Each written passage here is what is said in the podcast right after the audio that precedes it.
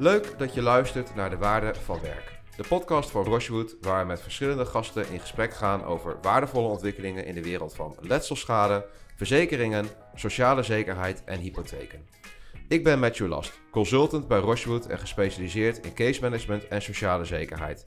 Deze aflevering spreken we Eliane van Beukering, specialist tweede spoor, verzuim, inzetbaarheid en loopbaanbegeleiding. Welkom Eliane.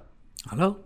Volgens jouw LinkedIn-account ben je onder meer coach, mentor, trainer, docent. En daarnaast schreef je ook nog een boek. Ja. Hoe combineer je dat dan met elkaar? nou, goed, uh, goed time management. Nou ja, heel veel heeft natuurlijk wel met elkaar te maken. Dus uh, ik ben niet continu met alle onderwerpen tegelijkertijd bezig. Dus, uh... Het is je passie misschien ook wel. Ja, ja, ja, ja. Ja, en je bent nou ja, de specialist op gebied van, uh, van tweede spoorbegeleiding. Uh, daarnaast weet je ook alles over duurzame inzetbaarheid. Hoe moet ik die relatie zien? Ja, weet je, tweede spoor gaat natuurlijk eigenlijk ook over duurzame inzetbaarheid. Dus het is wel een logisch gevolg. Maar er zit heel veel overlap. Ja, want even voor de mensen die minder bekend zijn met de term duurzame inzetbaarheid, of misschien alleen maar het containerbegrip kennen. Voor mij is het met name uh, bezig blijven met de dingen die je goed kunt, uh, waar je prettig bij voelt en je daar ook makkelijk uh, vol kunt houden. En als je dan kijkt naar de relatie werkgever-werknemer, hoe kan een werkgever dan uiting aangeven? Om open te staan voor uh, nou, wat de mens beweegt, waar die goed in is, waar die tegenaan loopt. Uh, dus eigenlijk alle factoren die een rol spelen om iemand duurzaam inzetbaar te houden. dus dan gaat het om een stukje loopbaan, uh, maar het gaat ook over gezondheid, en, maar ook over kennis en vaardigheden.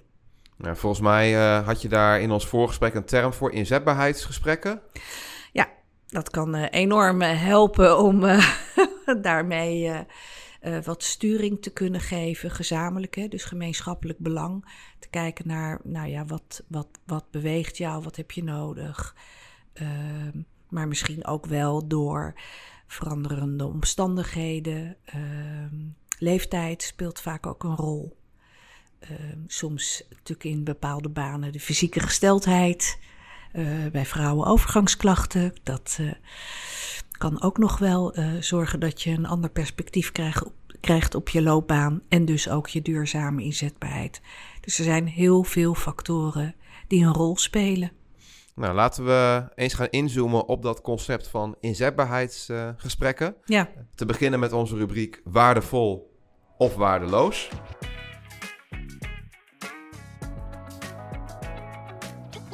En om te beginnen, um, nou ja, een van de waardevolle aspecten, vertelde je, is uh, uh, dat nou ja, met inzetbaarheidsgesprekken je kunt voorkomen dat iemand uitvalt omdat diegene bijvoorbeeld niet lekker in zijn rol zit. He, je gaat daar dan over in gesprek, het komt naar voren, je kunt er wat aan doen voordat het leidt tot uitval en nou ja, mogelijk een tweede spoor uh, traject. Ja, klopt.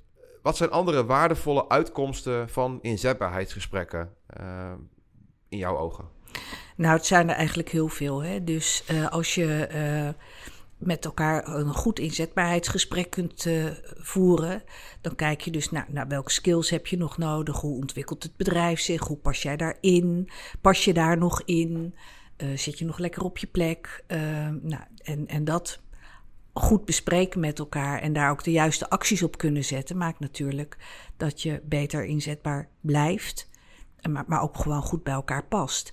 Als dat niet meer zo is en je weet op een goede manier afscheid van elkaar te nemen, is dat natuurlijk ook heel waardevol.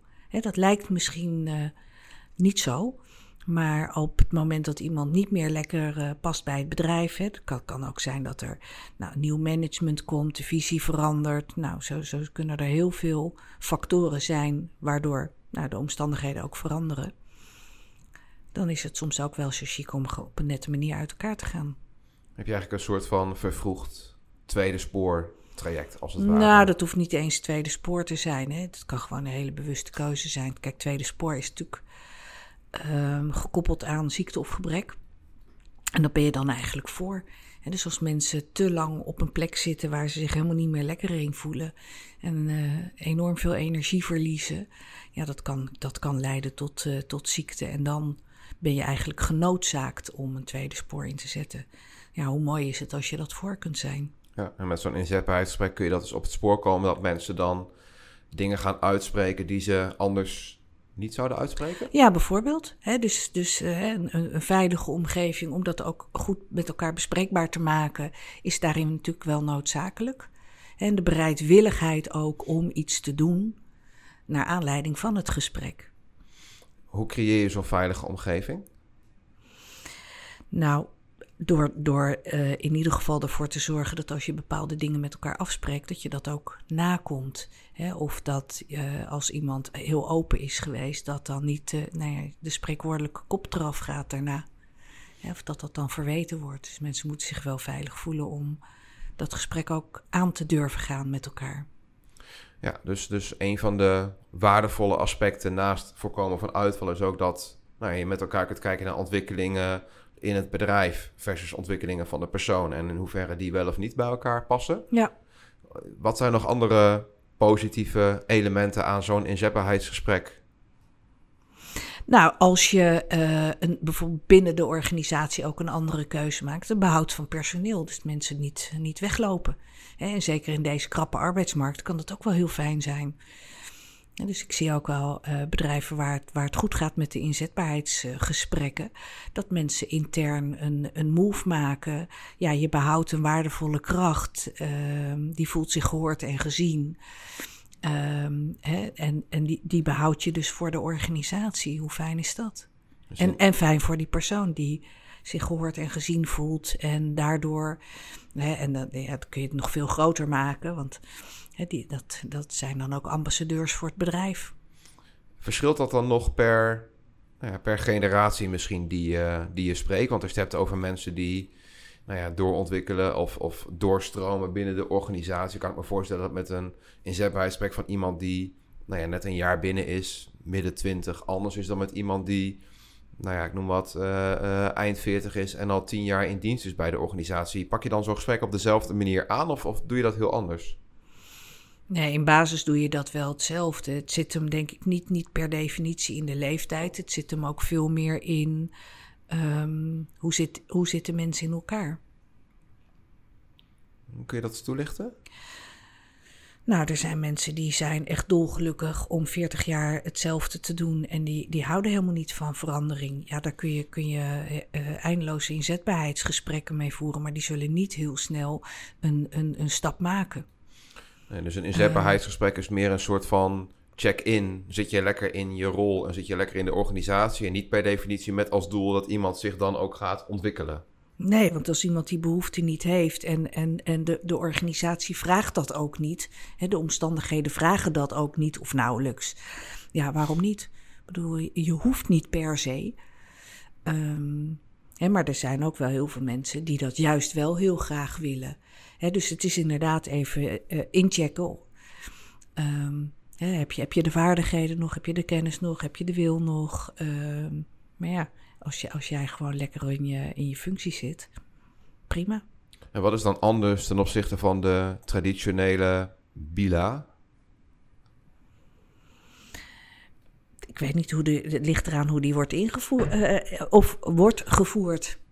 Nou ja, dus, kritiek, um, op, ehm, kritiek was natuurlijk op de traditionele bila dat, dat um, ja, dan werd er aan de hand van een aantal standaardvragen werd er met de medewerker door de leidinggevende in gesprek gegaan uh, over nou ja, hoe iemand functioneert en, en of iemand doet wat van diegene gevraagd wordt. En um, eigenlijk met name dat. Ja, veel hè, meer het beoordelen bedoel je. Ja, en ja, ja, vaak ja. ook eenzijdig werd maar, dan geroepen. Ja, precies. He, dus dat is, is dan veel meer het beoordelingsgesprek. Ja. ja, en dat, dat, dat, dat is veel eenzijdiger. Weet je, wij, wij vinden dit van jou, verdedig je maar, hè, bij wijze van spreken. Zo wordt het, of werd, wordt het vaak ervaren. Ja. ja het grootste verschil in zetbaarheidsgesprek is vanuit, vanuit de medewerker. De, nou ja, vanuit de dialoog met elkaar. Ja. ja. In feite... Het, Gelijkwaardiger het, ja. in mijn optiek. Is het dan hetzelfde wat mensen ook wel eens het goede gesprek noemen? Ja, er zijn natuurlijk heel veel definities voor. Het is waar hoe je dat uh, inderdaad uh, uitlegt. Maar ja, weet je, wat mij betreft valt dat wel onder de goede gesprekken. Ja. Oké. Okay. Als we nou eens omkeren, uh, allemaal goede kanten aan, aan inzetbaarheidsgesprekken. Laten we die mhm. term wel blijven hanteren, ja. anders raakt iedereen in de war. Heel goed. Ja. um, maar als je dan eens kritisch kijkt naar inzetbaarheidsgesprekken, wat gaat er dan in de praktijk mis? Als er geen opvolging aan gegeven wordt. Ja, dat is, dat is natuurlijk killing. Hè? Dus als je, als je daar zit als medewerker en je denkt: Oh, ik voel me goed gehoord en gezien. En de deur gaat dicht en er wordt niks mee gedaan. Ja, dat, dan, dan, dat, is, dat is nog erger dan, uh, dan niks doen, zeg maar. Mm Hè? Dus um, het, je moet ook wel de gemeenschappelijke wil hebben om daarna vervolgstappen te gaan zetten. Als dat eruit is gekomen. Meestal komt er natuurlijk altijd weer iets uit. Oké, okay. en verder? ja, dat, dat is denk ik wel het, het, het allerbelangrijkste wat, uh, wat eruit uh, kan komen. Ja, of dat mensen inderdaad weggaan, terwijl dat niet, niet jouw bedoeling was. Hè? Dus er kunnen heel veel kleine aspecten zijn waarvan je denkt... oeh, dat was eigenlijk niet helemaal de bedoeling van dit gesprek. Maar het is wel een uitkomst. Ja, je vertelde me eerder ook nog dat het ook nog wel eens gebeurt... dat mensen denken, ik heb een inzetbaarheidsgesprek boom, dan zal ik eens even helemaal losgaan. Ja, ja, ja, oh, zo bedoel je. Ja, ja dat gebeurt ook. Het ventieltje gaat eruit en dan gaan ze even helemaal los. Het, het, het, moet wel een dialoog zijn. Het is niet om, om even lekker te kunnen spuien of zo. Heb je daar een... dat, een, natuurlijk, dat, dat, dat, dat kan er ook in zitten.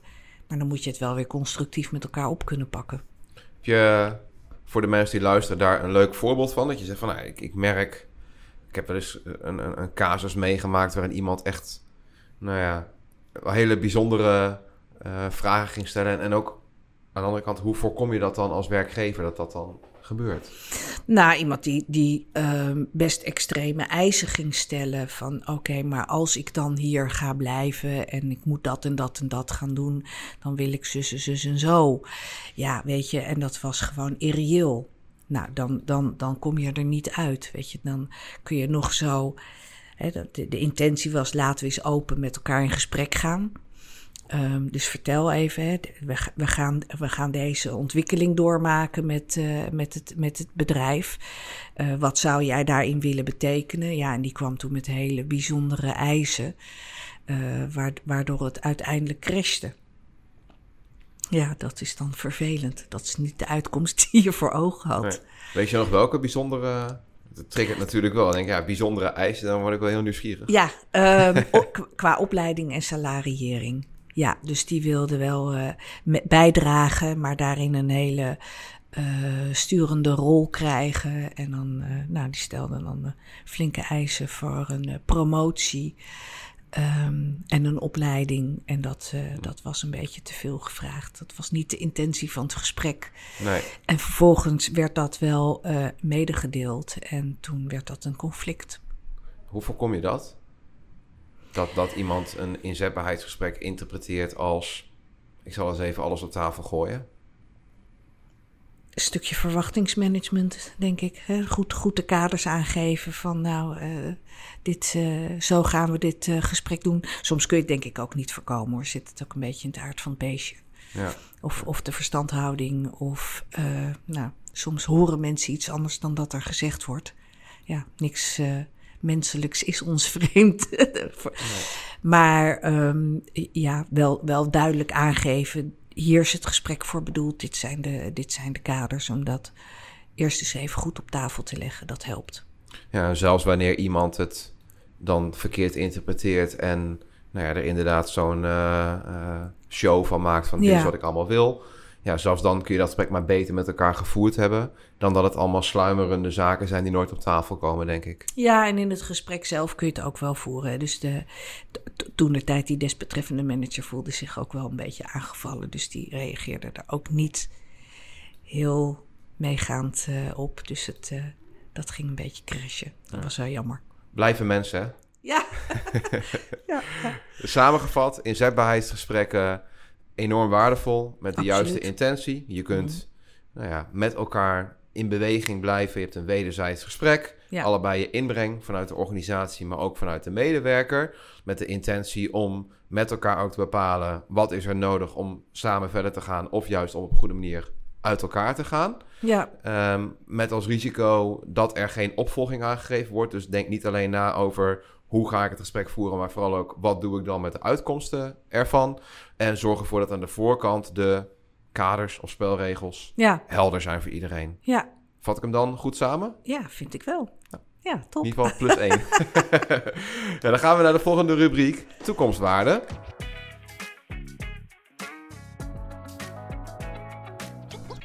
Daar gaan we samen kijken naar de ontwikkelingen in het vakgebied. En voordat ik je zo meteen daarover een open vraag stel, eh, wil ik beginnen met iets wat ik zelf zie gebeuren.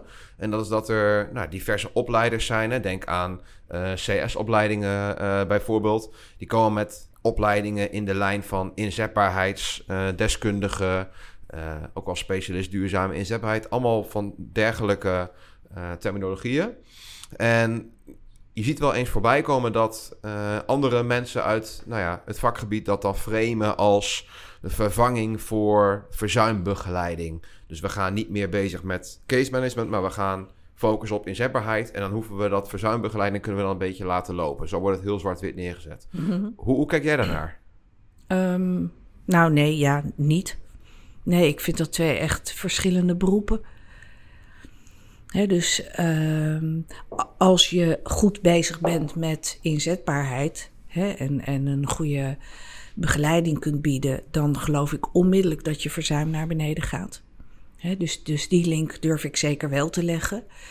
Eh, maar als je kijkt naar wat een case manager doet of uh, ver, ver, verzuimbegeleider, die zitten zo heel erg ook op schadelastbeheersing, goede dossiervorming, uh, dat soort zaken. Um, ja, weet je, dat, dat, dat moet eigenlijk naast elkaar bestaan. Ik denk dat ze heel goed aanvullend met elkaar bezig kunnen zijn. Dat geloof ik absoluut. Maar ik denk niet dat het een het ander kan vervangen. En waar ontmoeten ze elkaar in de, in de praktijk, in de organisatie? Dus stel je hebt een specialist inzetbaarheid en je hebt een case manager. Waar komen die elkaar tegen? Um, daar waar mensen worstelen met hun inzetbaarheid. He, of uh, ook vooruitlopend op. He, dus als jij goed vorm kunt geven aan, aan, aan een inzetbaarheidsbeleid, dan zal je in ieder geval de mensen die op de verkeerde plek zitten, hè, of dreigen op de verkeerde plek te zitten, of, of dreigen uit te vallen, in ieder geval op, op, de, op, de, op die vlakken, dat zul je kunnen voorkomen. Dus dat scheelt in ieder geval een hoop werk en gedoe bij de case managers. Of, hè, nou ja, laat ik het maar even bij de, bij, bij de term case manager houden. Maar goed, het, het, het pure medische verzuim um, is bijna niet te voorkomen. Dus dan, dan kom je toch bij case management terecht. Ja. He, dus je kunt heel veel ondervangen, absoluut. He, dus daar, daar zit de winst. En ik ja. denk dat het ook veel chiquer is.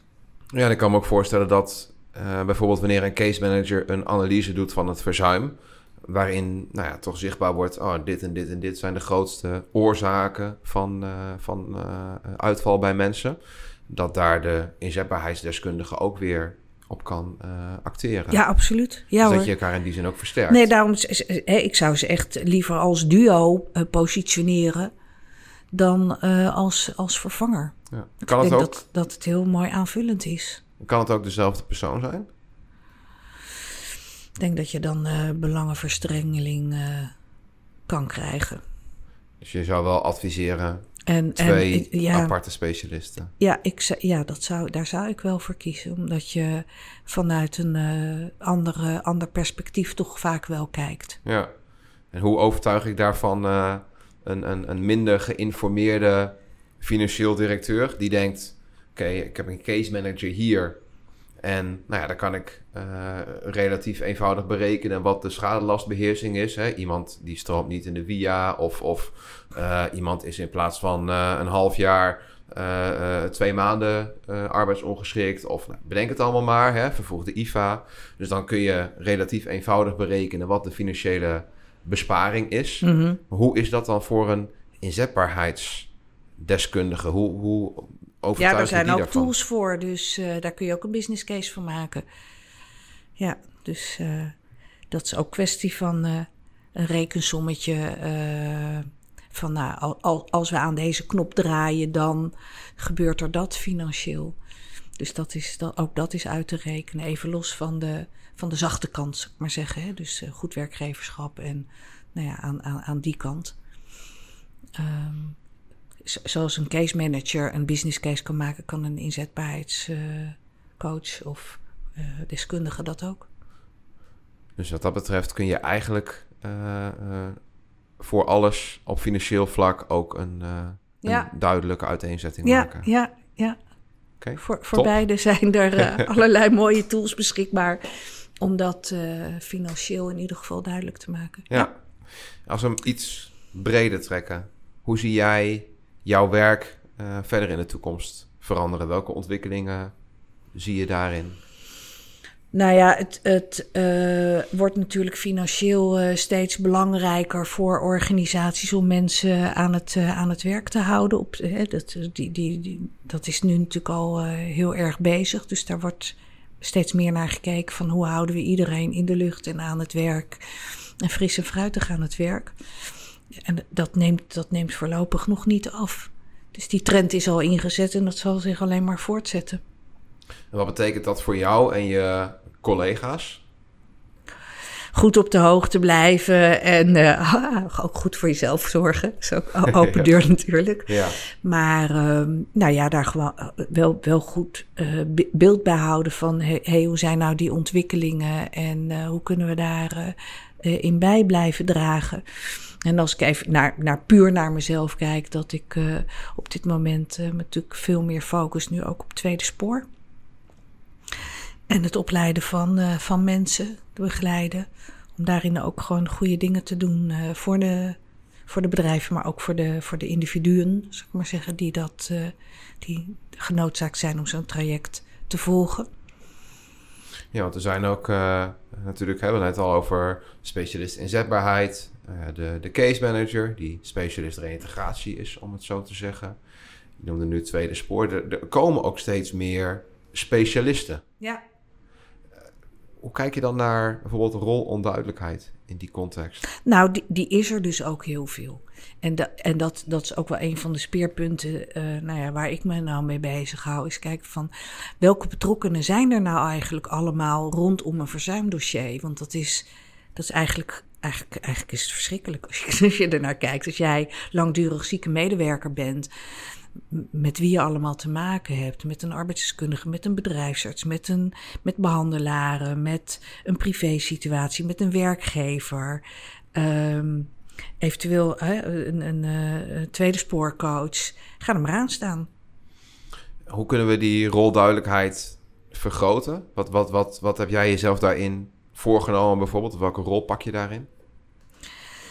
Maak een keuze welke rol je erin hebt. Hè. Dus, dus als, ik, als ik daar zit, bijvoorbeeld voor het, voor tweede spoor, ja, dan moet je wel heel duidelijk afkaderen van hey, wat hoort nou wel bij mij en wat hoort nou niet bij mij. En die rolonduidelijkheid is er vaak bij de, bij de coachie, uh, maar ook wel veel bedrijven. Die dan denken van, oh ja, maar jij bent daar toch van. Uh, kun jij dat niet oppakken? Nee, daar ben ik niet van. Ik noem maar eens wat. En, uh, een contract maken als je een uh, werkervaringsplek hebt gemaakt of uh, hebt geregeld. Ga, je, ga je dat contractueel allemaal regelen of is dat iets tussen die twee bedrijven? Nou, daar, daar, daar zie ik bijvoorbeeld al heel veel verwarring ontstaan. Ja, dus eigenlijk terug bij wat je eerder zei over, nou ja, doe nou niet een case manager die ook zich bezig gaat houden met inzetbaarheid. Maak daar twee verschillende personen van. Dan heb je ook die rolduidelijkheid. En dat zeg je eigenlijk ook in bredere zin.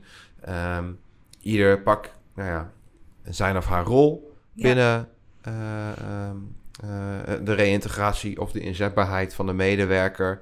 En beperk je daar ook toe en ga niet buiten jouw rol ook nog allerlei dingen doen. Nee, klopt. En als je het hebt over uh, binnen het bedrijf, hè, inzetbaarheid, case manager. Nou, vlak ook een, eh, een HR-adviseur eh, niet uit. dat, dat die daar ook, ook gewoon nog steeds een rol in heeft. wat meer de arbeidsrechtelijke kant, zeg maar. Ja. Dat je dat ook niet over gaat pakken. dat zie je, die, die rolonduidelijkheid zie je ook wel vaak bij case managers, HR. HR die case management-achtige dingen overneemt of om, omgekeerd ja, dat is vaak heel verwarrend en ook gewoon vervelend, omdat je niet altijd de juiste kennis hebt. Nee, nee, precies. En om dan de cirkel compleet te maken, als we willen voorkomen dat er nou, tig specialisten zich overal tegenaan moeten bemoeien, even gechargeerd gezegd. Uh, begin dan met goede inzetbaarheidsgesprekken, want dan blijf je weg van nou ja, in ieder geval niet medisch verzuim, laten we het dan zo zeggen. Hè? Want medisch verzuim kun je natuurlijk ook daarmee niet, uh, niet voorkomen waarschijnlijk. Tenzij het gaat om arbeidsomstandigheden nou ja, waar je wat ja, aan kunt die verbeteren. zo uit de hand lopen dat het medisch wordt. Maar... Precies, maar laten we daar dan even niet van uitgaan. Nee, klopt. Maar voer dan dus die goede inzetbaarheidsgesprekken en uh, uh, voorkom daarmee dat er een situatie ontstaat waarin iemand uitvalt. Ja, en, en vanuit die gesprekken kan je natuurlijk best wel eens een keer richting case management gaan of richting HR. Uh, maar als het voor iedereen duidelijk is wie waarvan is, dan, dan, dan, ja, dan loopt het ook veel soepeler. Ja, dat denk ik ook. Is er nog een laatste boodschap die je mee wilt geven aan de mensen die deze podcast hebben geluisterd voordat ik hem ga afronden? ik gun iedereen een goed inzetbaarheidsgesprek. En als je, als je geen werkgever hebt, voer, voer hem af en toe met jezelf. Hoe doe je dat dan? Interessante. Um, nou, neem af en toe de tijd om stil te staan bij. Goh, zit ik, eh, ben ik nog wel bezig met de dingen waar ik, waar ik blij van word? Kan ik het nog goed genoeg? Moet ik mezelf misschien uh, een beetje scholen? Of wil ik mezelf scholen? Uh, ben ik nog op koers? Ja, dus neem vooral zelf de regie in handen. Ja. En maak je niet afhankelijk van of iemand met jou dat gesprek wil voeren. Dat wil je maar zeggen. Ja, Neem de regie over je loopbaan. Ja. Mooi. Zo'n mooie, mooie nabrander. Ja, vind je? Dank je. Zeker. um, mocht je nou geïnteresseerd zijn in nog meer informatie van Eliane, nog meer willen lezen, misschien wel luisteren, volg haar dan vooral op LinkedIn. Check haar website www.tweedespoorcoach.nl en lees ook vooral haar boek In 10 stappen een succesvolle tweede spoorcoach. Daarnaast kun je natuurlijk uh, op de website kijken van Rochewood, waar alle afleveringen van onze podcast terug te vinden zijn. Uh, waar je ook blogs kunt lezen, andere relevante informatie. Uh, datzelfde vind je op LinkedIn, zowel via onze bedrijfspagina als ook op mijn persoonlijke pagina. Voel je vooral ook vrij om een bericht te sturen met eventueel verzoeken voor gasten, onderwerpen, noem maar op voor onze podcast. En ja, blijf de podcast natuurlijk ook volgen door je op Spotify te abonneren. Uh, zoek op de waarde van werk, waar je waarschijnlijk deze aflevering ook hebt gevonden. Abonneer je en blijf zo op de hoogte. Dank voor het luisteren en graag tot de volgende keer.